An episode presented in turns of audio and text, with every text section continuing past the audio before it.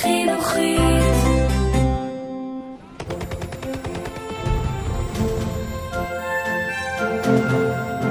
Es lebe Deutschland!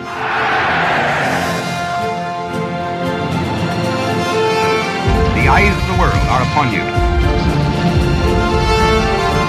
We shall defend our island, whatever the cost may be. We shall never surrender.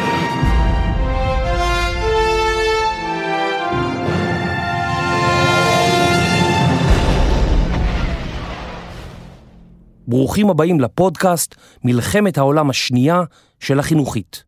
אני יובל מלכי. פרק 29, יפן מוכנעת באטום. בשנת 1945 הלכה יפן ונחלשה מול ארצות הברית שהלכה והתחזקה. התעשייה האמריקנית ייצרה עוד ועוד ספינות ומטוסים, בעוד יפן נחנקה תחת סגר כלכלי. היפנים החזיקו בשטחים נרחבים בדרום מזרח אסיה ונאלצו לפרוס את כוחותיהם, בעוד האמריקנים כלל לא תכננו להילחם בהם בכל המקומות הללו. האמריקנים הבינו כי עליהם לפלוש ליפן, לכבוש אותה ולהביא לכניעתה. באביב 1945 פלשו האמריקנים לאי אוקינאווה, שיפן השתלטה עליו כמה עשרות שנים קודם לכן. הלחימה באי תהיה מהמערכות הקשות ביותר שידעו האמריקנים במלחמה, ותביא להחלטה דרמטית בקיץ 1945.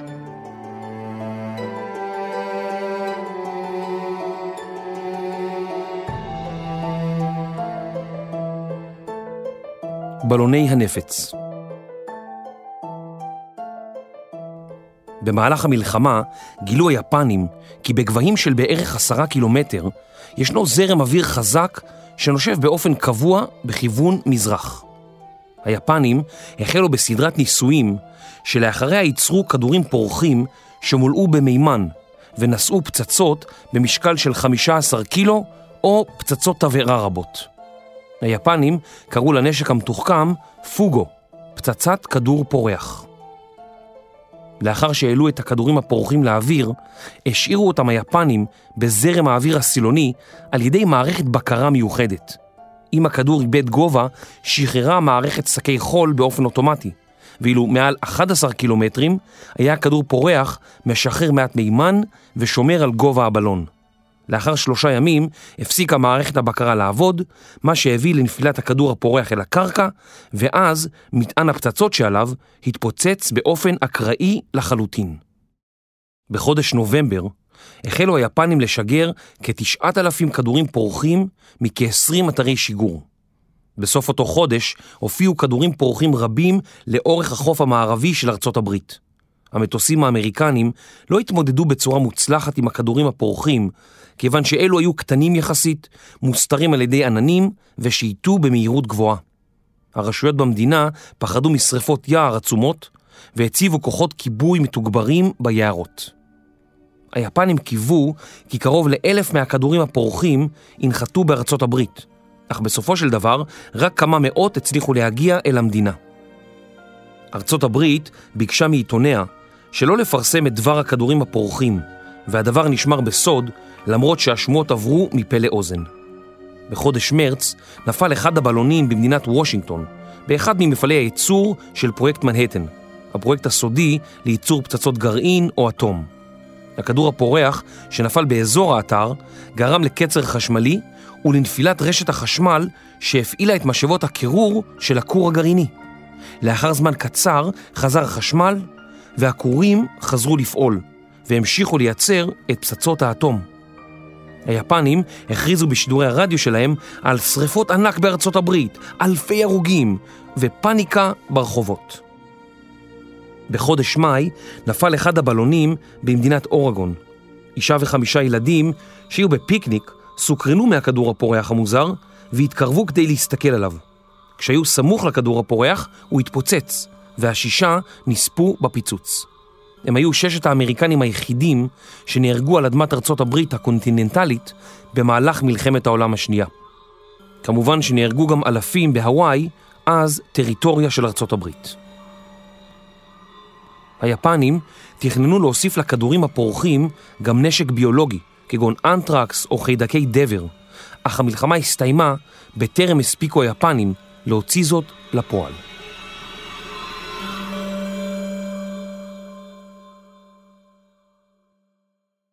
טייפון הברזל של אוקינאווה האיים בדרומה של יפן שייכים לארכיפלג או קבוצת איים בשם ריוקו. האי הגדול בקבוצת האיים הללו הוא האי אוקינאווה, שעליו התגוררו קרוב לחצי מיליון איש. יפן השתלטה על האי כמה עשרות שנים קודם לכן, ותושביו היו שונים מאוד מהיפנים. הייתה להם היסטוריה אחרת ותרבות שונה, והם היו רחוקים מהאמונות המיליטריסטיות העיוורות של היפנים. בעת המלחמה נאלצו היפנים לגייסם בכוח. האי אוקינאווה הוא אי צר, שאורכו כמאה קילומטרים. היפנים הבינו את חשיבותו להגנת האיים היפנים, והציבו באי ארמיה שלמה, שכללה יותר ממאה אלף חיילים מצוידים היטב, ולרשותם תותחים רבים. הגנרל אושיג'ימה פיקד על הכוח, והחליט לפעול כפי שפעלו המגינים באי אוג'ימה, כאשר חיכו לאמריקנים שיגיעו אליהם ואל עמדותיהם המבוצרות היטב, וכן אל המערות הרבות שנחצבו בגבעות. אושיג'ימה ריכז את הכוחות בדרום האי וחיכה לבעלות הברית. בסוף חודש מרץ 1945 החלו האמריקנים להפגיז את אוקינאווה, וב-1 באפריל נחתו על האי כמעט ללא התנגדות היפנים. האמריקנים איבדו פחות מ-30 איש ביום הנחיתה. הם התקדמו וכבשו שדות תעופה באי, אך להפתעתם לא היה זכר ליפנים. כוח ליווי של בעלות הברית, דרך הים, כלל מאות ספינות ונוסעות מטוסים, מהן עשרות ספינות מלחמה בריטיות. הכוח הבריטי היה מורכב מספינות, מלאכים וטייסים מבריטניה, מאוסטרליה, מניו זילנד וקנדה. בשונה מהכוח הימי, על אוקינאווה נחתו חיילים אמריקנים בלבד, והם מנו כמאה אלף חיילים וכ-20 אלף נחתים. בין החיילים שנחתו על האי היו גם תותחנים, אנשי חימוש, לוגיסטיקה ומנהלה. בדרכים שעל האי פגשו החיילים את תושבי המקום שהלכו בפחד ומורא אל מחנות המעצר האמריקנים. החיילים חלקו עמם סוכריות ומנות קרב. בחמישה באפריל, חמישה ימים לאחר הנחיתה, עדיין היו אמריקנים שרויים בבלבול. משהגיעו אל חלקו הדרומי של האי, בו היו גבעות אבן גיר רבות, הם גילו את היפנים, שהגיחו ותקפו אותם מתוך מחילות ומנהרות. האמריקנים הבינו כי מצפה להם קרב קשה. היפנים הציבו על הגבעות תצפיתנים, שכיוונו את האש הארטילרית היפנית. תותחים הוצאו מהמערות והפגיזו את עורף החי"ר האמריקני, במטרה להפריד אותו מכוחות השריון. כנגד השריונרים הטילו היפנים אל עבר הטנקים בקבוקי מולוטוב ומטענים, ומשיצאו אנשי הצוות מהטנקים הבוערים, הם נורו על ידי צלפים. בד בבד למתקפה היפנית על הקרקע, החלו טייסי קמיקזה רבים להופיע בשמיים. הם כיוונו את עצמם אל עבר ספינות בעלות הברית וצללו לכיוונם, תוך כדי שהם מנסים לפגוע בגשר הפיקוד שבו שהו קציני הספינות. בשישה ושבעה באפריל השתתפו כ-350 טייסי קמיקזה במתקפה על ספינות בעלות הברית. מטרתם הייתה נושאות המטוסים, אך הטייסים הצעירים שבקושי סיימו קורס טיס צללו בדרך כלל אל עבר הספינה הראשונה שזיהו. בדרך כלל היו אלה המשחטות הקטנות יותר שספגו את הפגיעות. למול פגיעה מדויקת של טייסי הקמיקזה לא היה להן סיכוי לשרוד. היפנים הבינו שהקרב באוקינאווה הוא קרב קריטי, ושלחו למערכה גם את ספינת המערכה העצומה, הימטו, שלוותה על ידי תשע סיירות ומשחטות. על הימטו היה לשוט במהירות בכיוון החוף באוקינאווה, לעלות על סרטון ולהפעיל את עשרות תותחיה כנגד בעלות הברית. קצינים יפנים רבים לא האמינו כששמעו כי הימטו יוצאת לסוג של משימת התאבדות. לרוע מזלם של היפנים, זיהו האמריקנים את השיירה היפנית והזניקו מטוסים רבים בכיוונה. המטוסים הטילו פצצות וטילי טורפדו רבים בכיוון הימטו, ולאחר שבע פגיעות טורפדו החל הימטו לשקוע. עד מהרה פגעו האמריקנים גם במשחתות הליווי, ואלפי מלחים יפנים צללו למצולות יחד עם הספינות היפניות. מספר ימים לאחר מכן, גל תקיפות קמיקזה נוסף הצליח לחדור את מערך ההגנה האמריקני, שני טייסי קמיקזה פגעו בנושאת המטוסים האנטרפרייז, והיא נפגעה קשות, אך לא טבעה. היפנים המשיכו לתקוף, וספינות אמריקניות המשיכו להיפגע ולטבוע.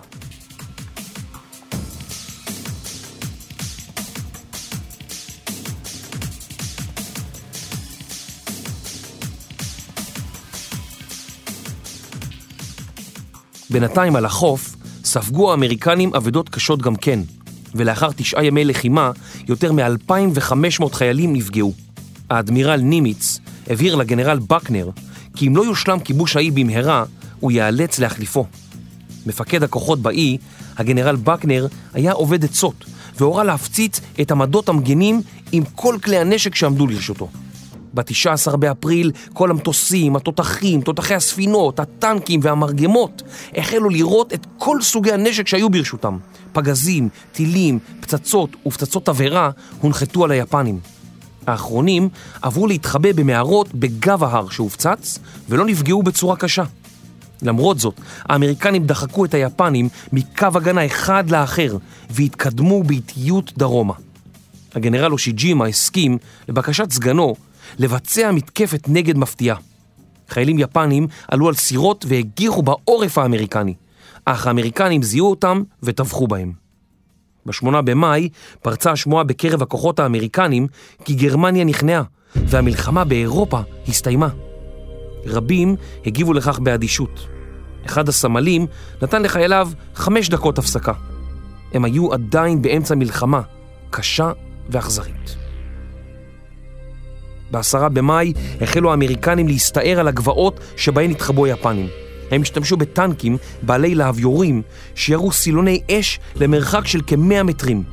כאשר האמריקנים זיהו מערות, הם ירו את סילוני האש לתוכם, או שהשליכו לתוכם מטעני נפץ רבי עוצמה. היפנים נלחמו בעיקשות, והם הצליחו מדי פעם להסתנן לקווים האמריקנים, ואף העמידו פני מתים כדי שיוכלו לראות באמריקנים בהפתעה גמורה. לקראת סוף חודש מאי החל לרדת גשם שהפך את הדרכים לבוציות והקשה על תנועת כלי הרכב והטנקים האמריקנים. השוחות היו מלאות בגופות שחלקן כבר נאכלו על ידי תולעים והריח היה מחריד. לרבים הזכיר הדבר את השוחות של מלחמת העולם הראשונה שעליהן למדו וקראו. היפנים גייסו לשורותיהם גם כ-1,500 נערים ונערות מהאי בגילאי 14 עד 19. הצעירים התקיימו מאכילת כרוב וקנה סוכר. הם סבלו מרעב, היו מלאים בקינים, ושתו מים מלוכלכים שמצאו במכתשים באדמה. אחד מהם סיפר כי היו לו שלוש משאלות, לשתות כוס מים נקיים לפני מותי, להירדם על גבי מזרון קש נוח ולמות ללא כאבים. יחידתם של הצעירים נקראה יחידת הברזל והדם הקיסרית. חלקם עזרו בטיפול בפצועים או בהעברת הודעות, ואחרים נשלחו להתאבד ליד טנקים כשהם נושאים חומר נפץ על גופם. כמחצית מכלל הנערים והנערות שגויסו נהרגו במהלך הקרבות. בכל אותה העת הלכו היפנים ונסוגו דרומה, לקווים אחוריים יותר. בסוף החודש התבהר מזג האוויר, והמטוסים האמריקנים זיהו שיירות יפניות. הם החלו להפציצן בעוצמה, מבלי לדעת כי השיירות כוללות גם עשרות אלפי אזרחים שביקשו להימלט מאזור הקרבות בחסות הצבא היפני. כ-15 אלף אזרחים נהרגו בהפצצות הללו.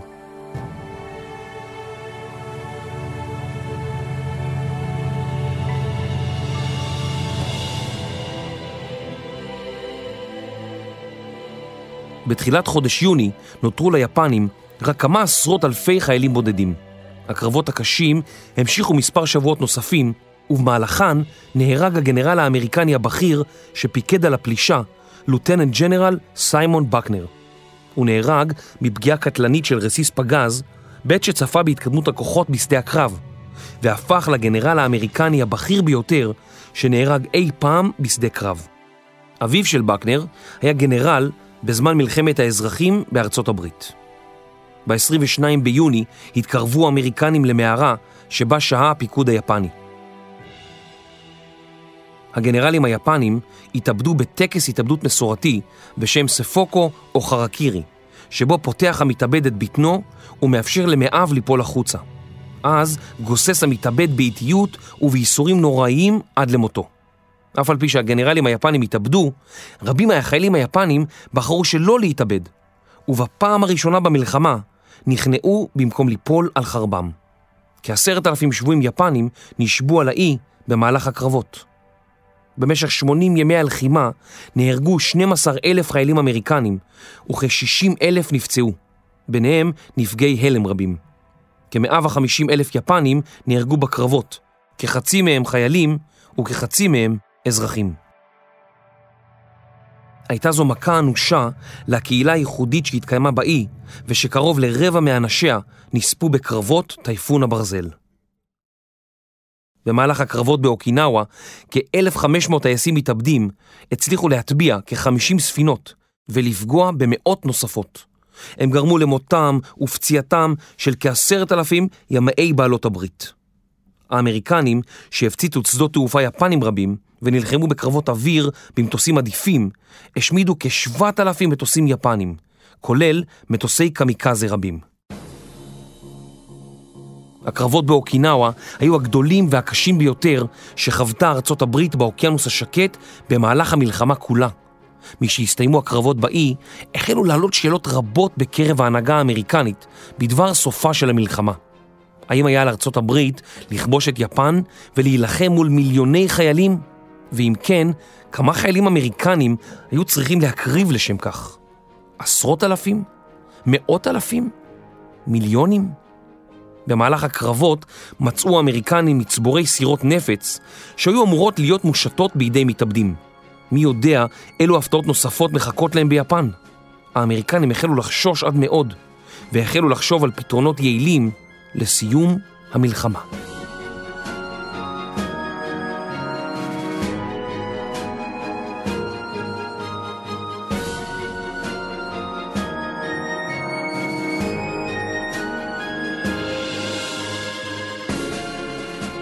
סופות האש ביפן.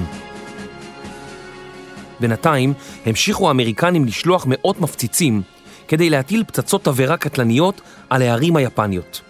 לאחר שהופצצה טוקיו בחודש מרץ, וכמאה אלף איש מצאו בהפצצה את מותם, הגיעו תורן של אוסקה, נגויה, קובה וערים אחרות. סופות האש האמריקניות השמידו מרכזי ערים, הביאו למותם של מאות אלפים והשאירו מיליונים ללא קורת גג. בסוף חודש מרץ אזלו לאמריקנים פצצות התבערה, והמבצעים ליצירת סופות אש ביפן נעצרו. באמצע חודש מאי כבר היו מספיק פצצות תבערה בהישג יד, ומשלא היה צורך במפציצים בקרבות באוקינאווה, התפנו כל המטוסים להפציץ את ערי יפן. המטוסים היפנים לא היו יריב שקול כנגד המטוסים האמריקנים המתקדמים, ולאור האבדות הרבות, החליטו היפנים לשמור אותם עד לפלישה האמריקנית למדינה. אחוז המפציצים האמריקנים שהופלו על ידי יפן לקראת סוף המלחמה היה אפסי. באמצע חודש מאי הותקפה העיר נגויה על ידי כ-500 מפציצים, פעמיים, בהפרש של שלושה ימים. אלפי אזרחים יפנים נהרגו בהפצצות, וכחצי מיליון נותרו ללא קורת גג. בסוף אותו החודש הופצצה טוקיו פעמיים. חצי משטח העיר נחרב לחלוטין, והיא נמחקה מרשימת המטרות של חיל האוויר האמריקני. בחודש יוני המשיכו המפציצים להרוס מיליוני בתים יפנים ולהביא למותם של אלפי אזרחים. לרשות בעלות הברית הייתה כמות מפציצים אדירה שנשלחו לערים הגדולות, לעשרות ערים בינוניות ואף לקטנות יותר. מטוסי בעלות הברית יצאו גם למבצעי הפצצה מדויקים והפציצו נמלים, מסילות ברזל ודרכים ראשיות. השליטה האווירית של ארצות הברית הייתה כה נרחבת עד כי הם הצניחו כרוזים בערים יפניות ובישרו על בואם מספר ימים לפני שהפציצו את עירם. הדבר גרם לנפילה מורלית אדירה בקרב אזרחי הערים הללו, שהבינו כי הצבא היפני אינו מסוגל להגן עליהם.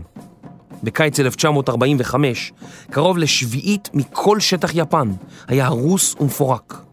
בשבעה חודשים בלבד ספגו שלוש הערים הגדולות של יפן נזק כבד מזה של הערים הגרמניות במהלך כל המלחמה.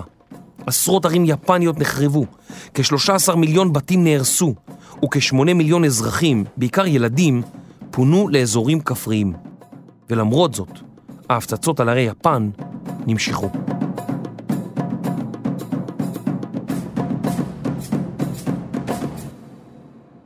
היפנים זעמו על ההפצצות האמריקניות שהיו אקראיות ופגעו בחפים מפשע. משנתפסו אנשי צוות אוויר שמטוסם הופל, הם נכלאו בתנאים איומים ועברו עינויים קשים ביותר. בחודשים האחרונים של המלחמה, קרוב ל-200 אנשי צוות אוויר אמריקנים הוצאו להורג בשריפה, ביריות ובעריפת ראשים.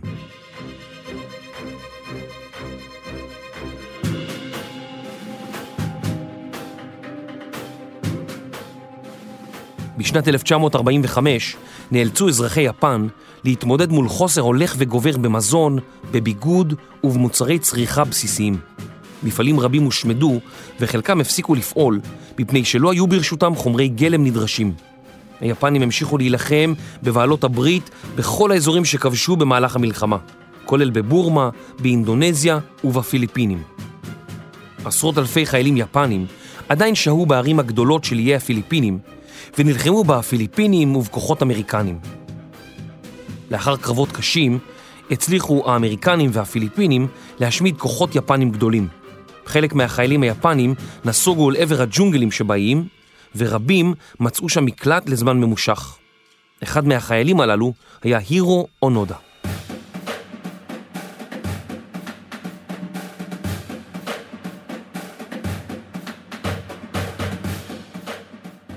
הירו אונודה היה קצין מודיעין יפני שנשלח בסוף שנת 1944 לאי לובנג, המרוחק כמאה קילומטרים ממנילה. הפקודות שניתנו לו היו להרוס את רציפי הרכבת ואת שדה התעופה שבאי. נפקד עליו שלא להיכנע בשום פנים ואופן, ואף נאסר עליו להתאבד. אונודה לא הצליח לבצע את פקודותיו בגלל התנגדותם של מפקדים אחרים ששהו באי. ולאחר שהאמריקנים נחתו בלובנג, ברחו אונודה ומספר חיילים לגבעות המיוערות בפנים האי, ושם התחבאו. במהלך החודשים הבאים הוצנחו באי כרוזים שהכריזו כי המלחמה הסתיימה, אך החיילים היפנים סירבו להאמין לכך. שיפן תיכנע? נו באמת.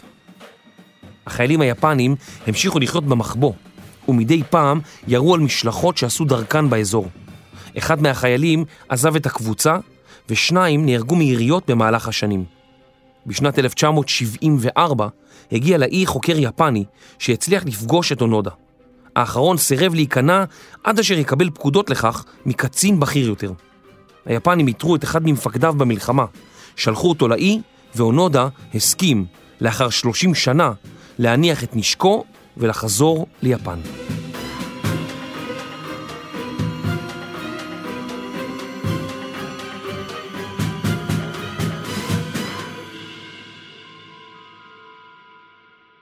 ועידת פוצדם ביולי נערכה בבריטניה הצבעה לרשות הממשלה, אך תוצאותיה לא היו ידועות מפני שהיה צריך לאסוף את פתקי ההצבעה של החיילים בכל רחבי העולם. ווינסטון צ'רצ'יל עשה הכנות אחרונות לקראת ועידה נוספת עם בעלות הברית. הארי טרומן, שנכנס לנעליו העצומות של רוזוולט, לא רצה לסטות מדרכו. הוא קיבל את מבוקשו של סטלין, שביקש לכונן ממשלה קומוניסטית בפולין.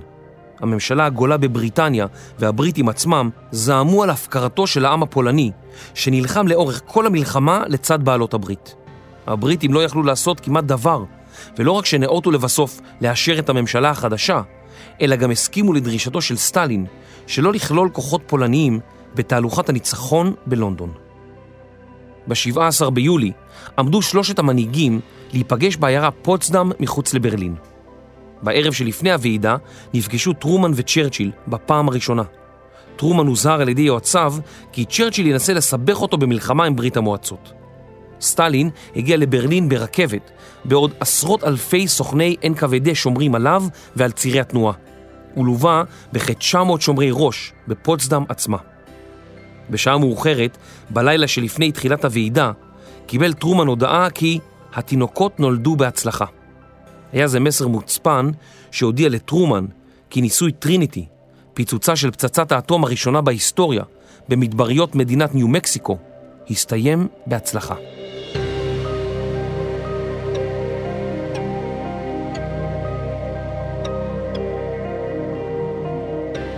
פצצת האטום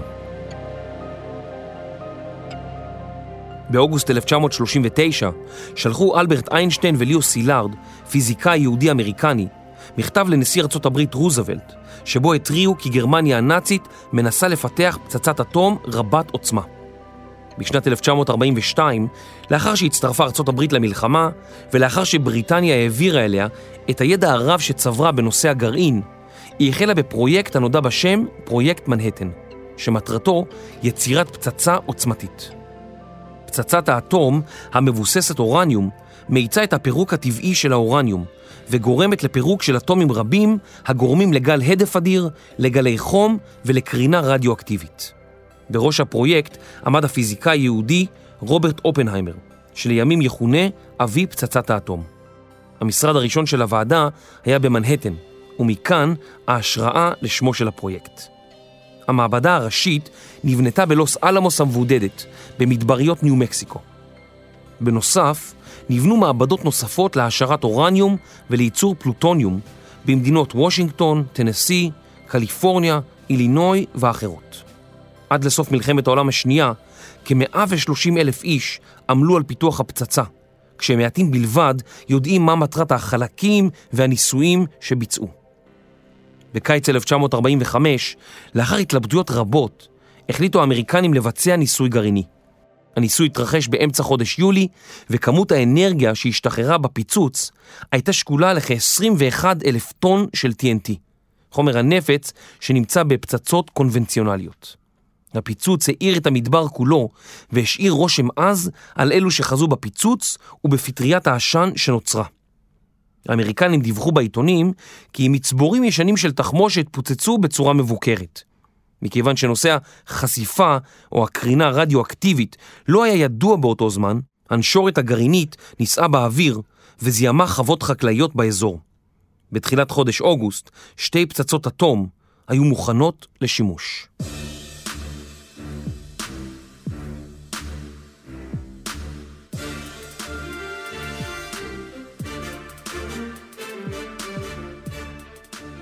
צ'רצ'יל שמח מאוד לשם הידיעה כי ברשות ארצות הברית קיימת פצצת אטום. הוא נרגע מפני שראה דרך לעצור את השתלטותה של ברית המועצות על כל אירופה. צ'רצ'יל הפגין פרנויה מסוימת בכל הקשור לסטלין, אבל זאת לא הייתה פרנויה מוחלטת. עוד בשנת 1944 הורה סטלין לצבא האדום לתכנן פלישה לצרפת ולאיטליה. שם תכננו הסובייטים להקים ממשלת בובות קומוניסטית. לרשות הסובייטים היו כ-400 אוגדות למודות קרב, וסטלין העריך כי תוך חודש ימים יוכל הצבא האדום לכבוש את כל יבשת אירופה, כולל דנמרק ונורבגיה.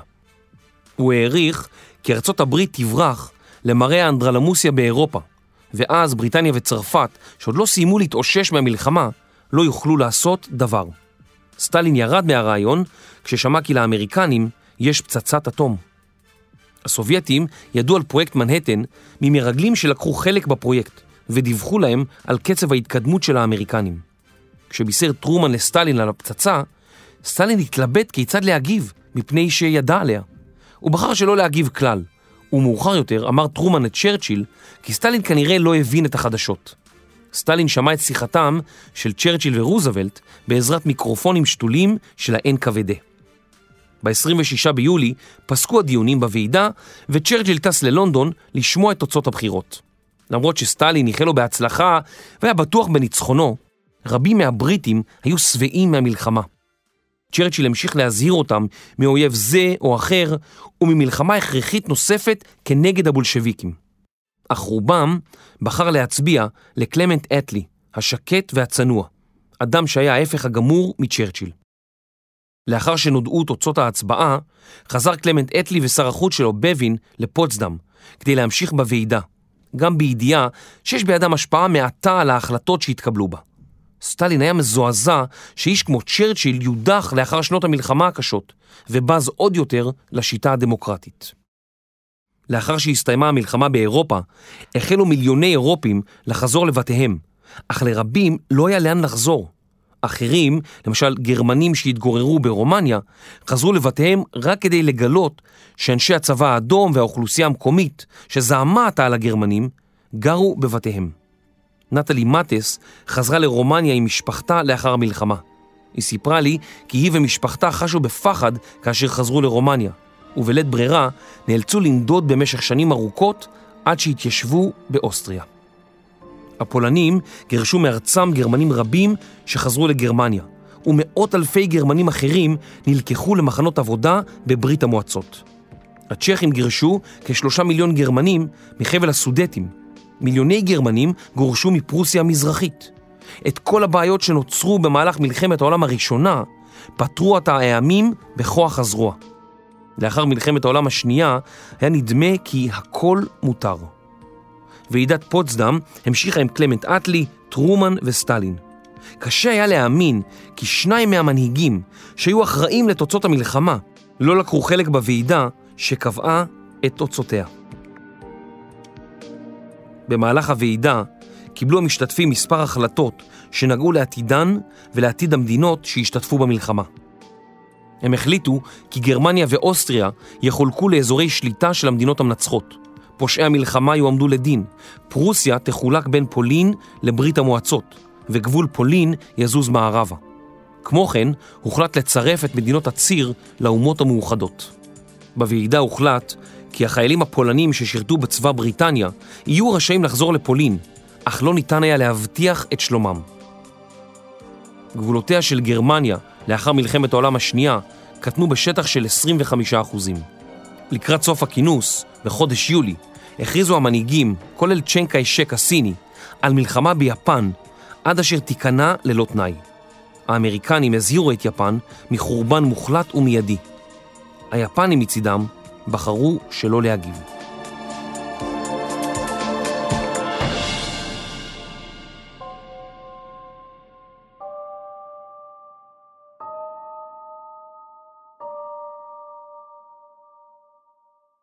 האמריקנים האמינו כי היפנים התנגדו לפלישת ארצות הברית ליפן בכל כוחם, כפי שעשו לאורך כל המלחמה. האמריקנים העריכו כי יהיה עליהם לספוג לפחות חצי מיליון חיילים הרוגים, וגם כי במהלך הפלישה ימיתו היפנים את כל השבויים שברשותם, ואף השתמשו בילדים ונערות למשימות התאבדות. האמריקנים חישבו כי המלחמה תארך חודשים נוספים, ואולי אפילו שנים רבות, ותעלה סכומי כסף אדירים. יפן שלטה על שטחים רבים בסופה של המלחמה. היא שלטה על הערים הגדולות בסין, על וייטנאם, מנצ'וריה, קוריאה, טיוואן ואיים נוספים. קברניטי ארצות הברית החליטו לנסות לעשות שימוש בפצצת האטום כנגד יפן כדי לסיים את המלחמה באחת. האזרחים האמריקנים עייפו מהמלחמה, ורבים כבר לא רצו לראות את בניהם נהרגים במלחמה שבין כה וכה תסתיים עוד רגע. להנהגה האמריקנית היה ברור כי המלחמה חייבת להסתיים במהירות, או שהמחיר הפוליטי שישלמו יהיה כבד. לאחר דיונים מעמיקים, החליטו האמריקנים שלא להטיל את הפצצות על טוקיו או קיוטו, ערים חשובות מבחינה היסטורית ותרבותית. המטרות האפשריות נבחרו מבין ערי הדרומיות של יפן, ביניהן קוקורה, הירושימה ונגסקי, שהיו בעלות מרכז צבאי ותעשייתי. הארי טרומן כתב ביומנו הנשק ייכנס לשימוש כנגד יפן בין עכשיו לעשרה בספטמבר. אמרתי לשר המלחמה, מר סטימסון, לעשות בו שימוש כך שמטרות צבאיות, חיילים ומלאכים יהיו המטרה, ולא נשים וילדים. אפילו אם מלוכסני העיניים הם פראיים, אכזריים, חסרי רחמים וקנאים, אנו כמנהיגי העולם, לרווחת הכל, איננו יכולים להטיל את הפצצה הנוראית הזאת על הבירה הישנה, קיוטו, או החדשה, טוקיו. הוא ואני הסכמנו על כך. המטרה תהיה מטרה צבאית טהורה.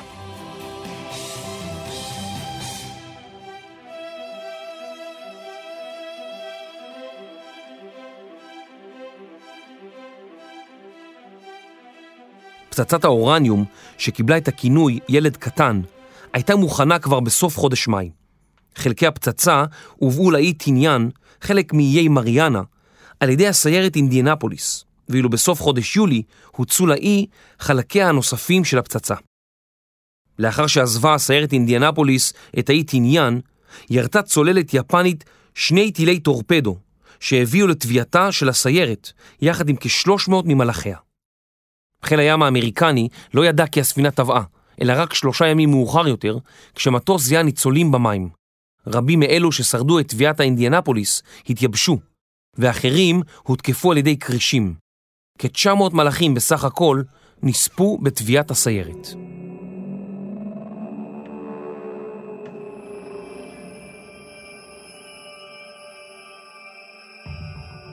בעיר הירושימה היו מפקדות צבאיות רבות וחשובות, ושהו בה כ-40 אלף חיילים ולמעלה מ-300 אלף אזרחים.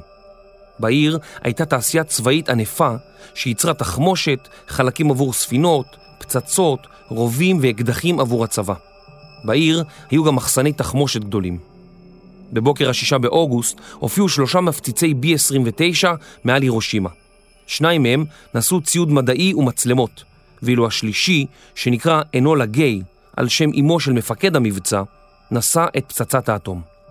בשעה שמונה וחמש עשרה דקות בבוקר נפתחו דלתות תא המטוס, והפצצה החלה עושה דרכה אל הקרקע. 44 שניות לאחר מכן, כשהייתה בגובה של 500 מטר מעל העיר, היא התפוצצה. תוך שניות הושמד מרכז העיר של ירושימה, וכמאה אלף בני אדם נספו בפיצוץ. בהמשך ימותו עוד כ-90 אלף איש כתוצאה מנזקי הקרינה, מכוויות ומהלם. הפצצה שנפלה על מרכז רפואי הביאה למותם של למעלה מ-90% מהרופאים והאחיות בעיר. כל הפצועים לא ידעו לאן ללכת, ולא היה מי שיטפל בהם. רשות השידור היפנית שמה לב כי התחנה בהירושימה חדלה מלשדר. כל קווי הטלפון והטלגרף לעיר נותקו. עד מהרה הגיעו שדרים מערים סמוכות כי פיצוץ נוראי התרחש בהירושימה. היפנים היו מבולבלים מפני שהמכ"מים שלהם לא הראו להק מטוסים שעשה דרכו אל העיר. קצין צעיר נשלח מטוקיו לטוס מעל העיר, ומששב דיווח על ההרס העצום שראה, ועזרה הוכשה לאזור. היפנים לא הבינו מה נפל עליהם. סונאו צובוי היה סטודנט בן 20 שלמד באוניברסיטה מקומית בירושימה. באותו בוקר הלך ברחוב כאשר לפתע שמע פיצוץ. צובוי יועף למרחק של עשרה מטרים והתעלף. כשהתעורר מאלפונו, גילה כי הוא נכווה בצורה קשה. מכנסיו וחולצתו נקרעו מעוצמת הפיצוץ. צובוי סיפר: ידיי נשרפו בצורה קשה ומשהו נטף מאצבעותיי. הגב שלי כאב מאוד, ולא היה לי מושג מה התרחש הרגע. תיארתי לעצמי שהייתי מאוד קרוב לפצצה קונבנציונלית. לא היה לי מושג שזו פצצה גרעינית ושנחשפתי לקרינה. היה המון עשן באוויר, ובקושי ניתן היה לראות למרחק של 100 מטרים. אך מה שראיתי שכנע אותי שזה עתה נכנסתי לגיהנום על פני כדור הארץ. היו אנשים שבחרו וקראו לעזרה, קראו בשמם של בני משפחה. ראיתי ילדת בית ספר שעינה הייתה תלויה מערובת העין. אנשים נראו כמו רוחות רפאים, מדממים ומנסים ללכת לפני שהתמוטטו. חלקם איבדו גפיים. היו גופות צרופות בכל מקום, גם בנהר.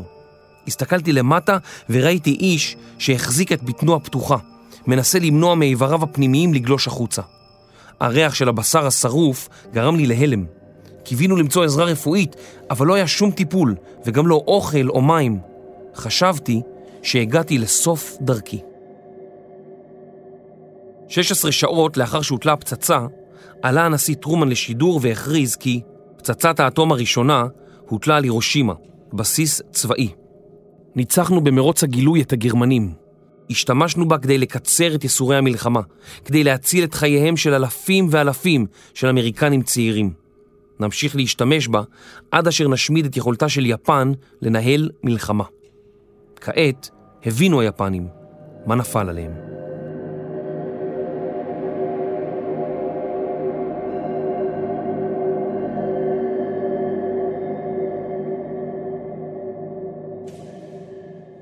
יום למחרת החלו היפנים בדיונים פנימיים על אפשרויות ותנאי הכניעה.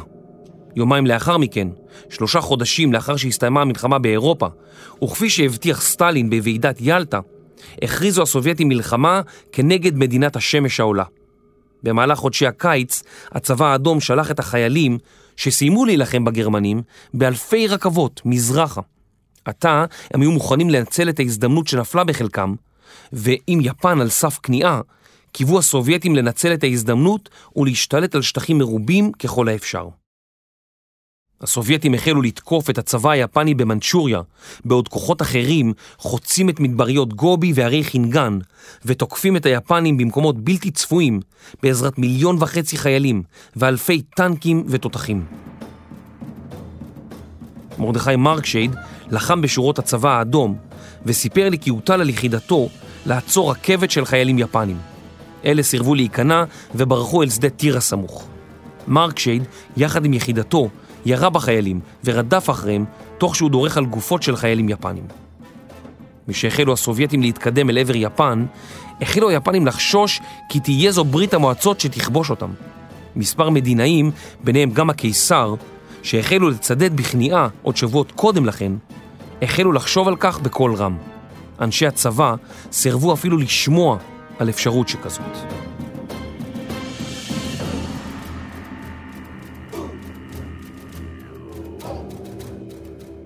היפנים שעדיין לא התאוששו מההלם של הירושימה, לא פצו את פיהם במשך שלושה ימים. האמריקנים החלו להיות לחוצים, כיוון שלא ידעו כמה פצצות ייאלצו להטיל על היפנים טרם ייכנעו. האמריקנים החלו לייצר פצצה נוספת, שהייתה אמורה להיות מוכנה ב-19 באוגוסט, והיה בכוחם לייצר שלוש פצצות נוספות בספטמבר ושלוש אחרות באוקטובר. הנשיא הארי טרומן אמר באותם ימים, אני מבין את המשמעות הטראגית של פצצה אטומית. זוהי אחריות נוראה שהגיעה אלינו. אנו מודים לאלוהים שהיא הגיעה אלינו במקום לאויבינו. אנו מתפללים שהוא ינחה אותנו לעשות בה שימוש בדרכיו ולצרכיו.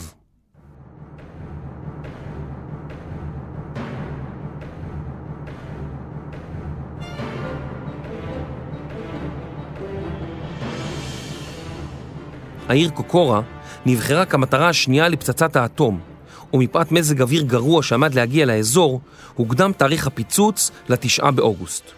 את העיר כיסה עשן כבד מהפצצה שהתבצעה יום קודם לכן בעיר סמוכה. המפציצים האמריקנים, ובראשם המטוס בוקסקר, שנשא את הפצצה, נאלצו לעזוב את העיר ולטוס אל עבר היעד השני, העיר נגסקי. בעיר היה נמל גדול ומספנות רבות שהעסיקו כמעט את כל רבע מיליון תושבי העיר. שלושה ימים לאחר הטלת הפצצה הראשונה, בשעה 11 בבוקר, הוטלה פצצה נוספת שכונתה האיש השמן על העיר נגסקי. הפצצה, שכוונה אל עבר מספנות ואזורים תעשייתיים, יצרה גל חום של 4,000 מעלות ורוחות עזות. האזור שבו נפלה הפצצה היה בתוך עמק, שמנע מגל ההדף להתפשט, ולמרות שהפצצה הייתה חזקה יותר מקודמתה, מספר ההרוגים והפצועים היה כשליש. כ-35 אלף איש נהרגו וכ-60 אלף נפצעו. אחד הניצולים מההפצצה, שנכווה קשות בכל חלקי גופו, סיפר כי בכל יום אחרי הטלת הפצצה תהיתי מתי אמות. כל יום צרחתי, תהרגו אותי, תהרגו אותי.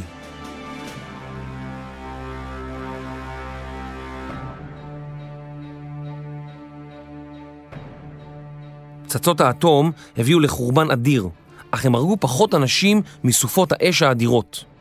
סופות האש וההפצצות הכבדות היו קרוב לוודאי ממשיכות עוד חודשים ארוכים לולא נכנעה יפן, והיו גובות אף יותר קורבנות.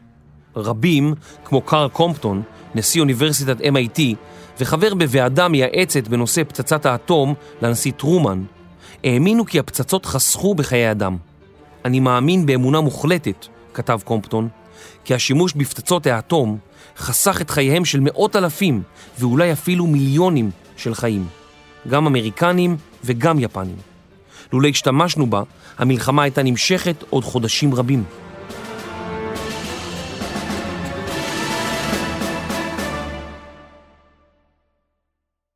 באותו ערב באמצע חודש אוגוסט, לאחר ששמע דיווחים על ממדי ההרס, כמות הפצועים וההרוגים והסבל חסר התקדים שהותירו הפצצות, החליט הקיסר היפני, בניגוד לדעתם של אנשי הצבא, כי על יפן להיכנע, ובתנאי שהקיסרות היפנית תישמר.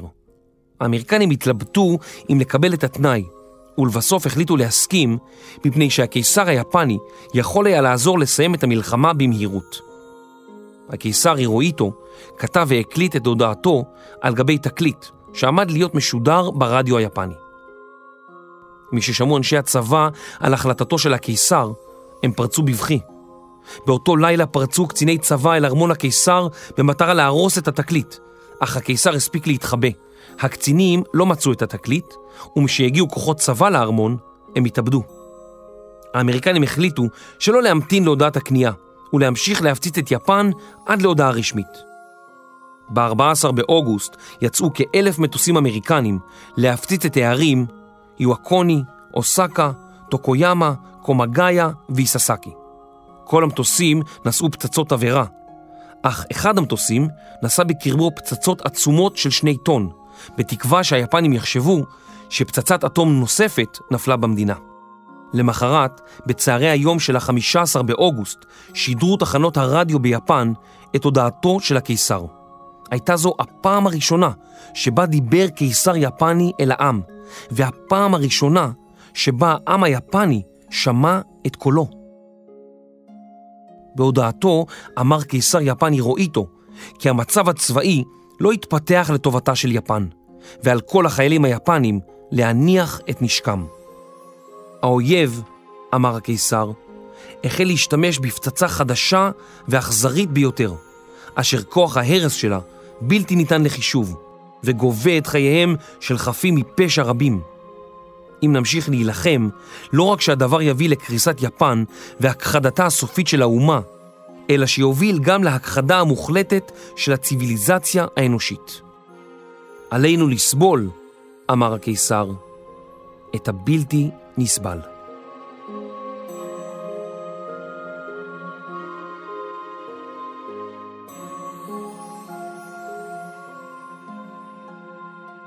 בהודעתו לא דיבר הקיסר על כניעה, אלא על כוונתה של יפן לכבד את הסכמי פוצדם. חיילים ואזרחים יפנים ששמעו את קולו של הקיסר בפעם הראשונה החלו לבכות ולהשתחוות בכיוון מקלטי הרדיו. שר המלחמה, גנרלים, אדמירלים ומאות אזרחים התאבדו בטקס המסורתי. מספר ימים לאחר מכן נכנעו היפנים גם במנצ'וריה, בקוריאה ובמקומות אחרים.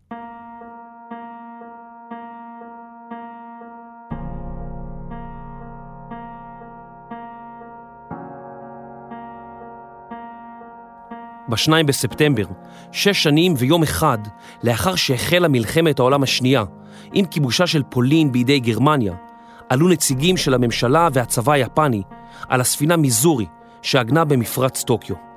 על הספינה היו גנרלים רבים של בעלות הברית, אמריקנים, סינים, בריטים, אוסטרלים, ניו זילנדים וסובייטים. בשעה 8:56 בבוקר התקבלה המשלחת היפנית על ידי הגנרל מקארתור. שני הצדדים חתמו על כתב הכניעה היפני. לאחר 20 דקות עזבה המשלחת היפנית את האונייה. השעה הייתה 9.25 בבוקר.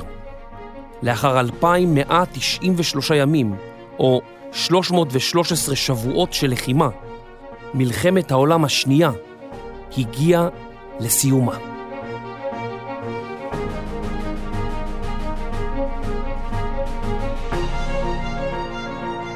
לאחר המלחמה, שאלות רבות נותרו פתוחות. מה יהיה על האימפריה הבריטית ומושבותיה? מי ידאג לאירופה החרבה? מה יעשו המדינות הלוחמות עם מיליוני החיילים השבים הביתה ועם מפעלי הנשק העצומים ועובדיהם? כיצד ידאגו לכך שמלחמה שכזאת לא תפרוץ בשנית? עבודה רבה הייתה מונחת על השולחן. גורל העולם היה עתה בידי המנצחים, ועליהם היה עתה לקבל החלטות גורליות.